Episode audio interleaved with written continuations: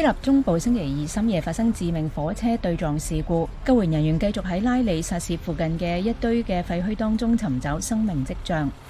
热带风暴朱迪对南太平洋岛国瓦鲁阿图造成破坏，当地人已经被警告准备迎接第二场飓风，预计该国将喺星期四晚至到星期五受到吹袭。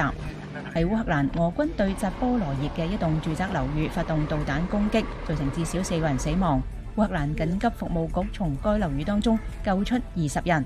布林肯国务卿喺印度嘅 G 二十外长会议场边，与俄国外长拉夫罗夫交谈唔到十分钟。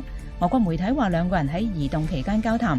马来西亚部分地区嘅村庄同埋城镇被洪水淹没，救援人员用船转移被困者到安全地带。到星期四已经有二万六千多人系撤离。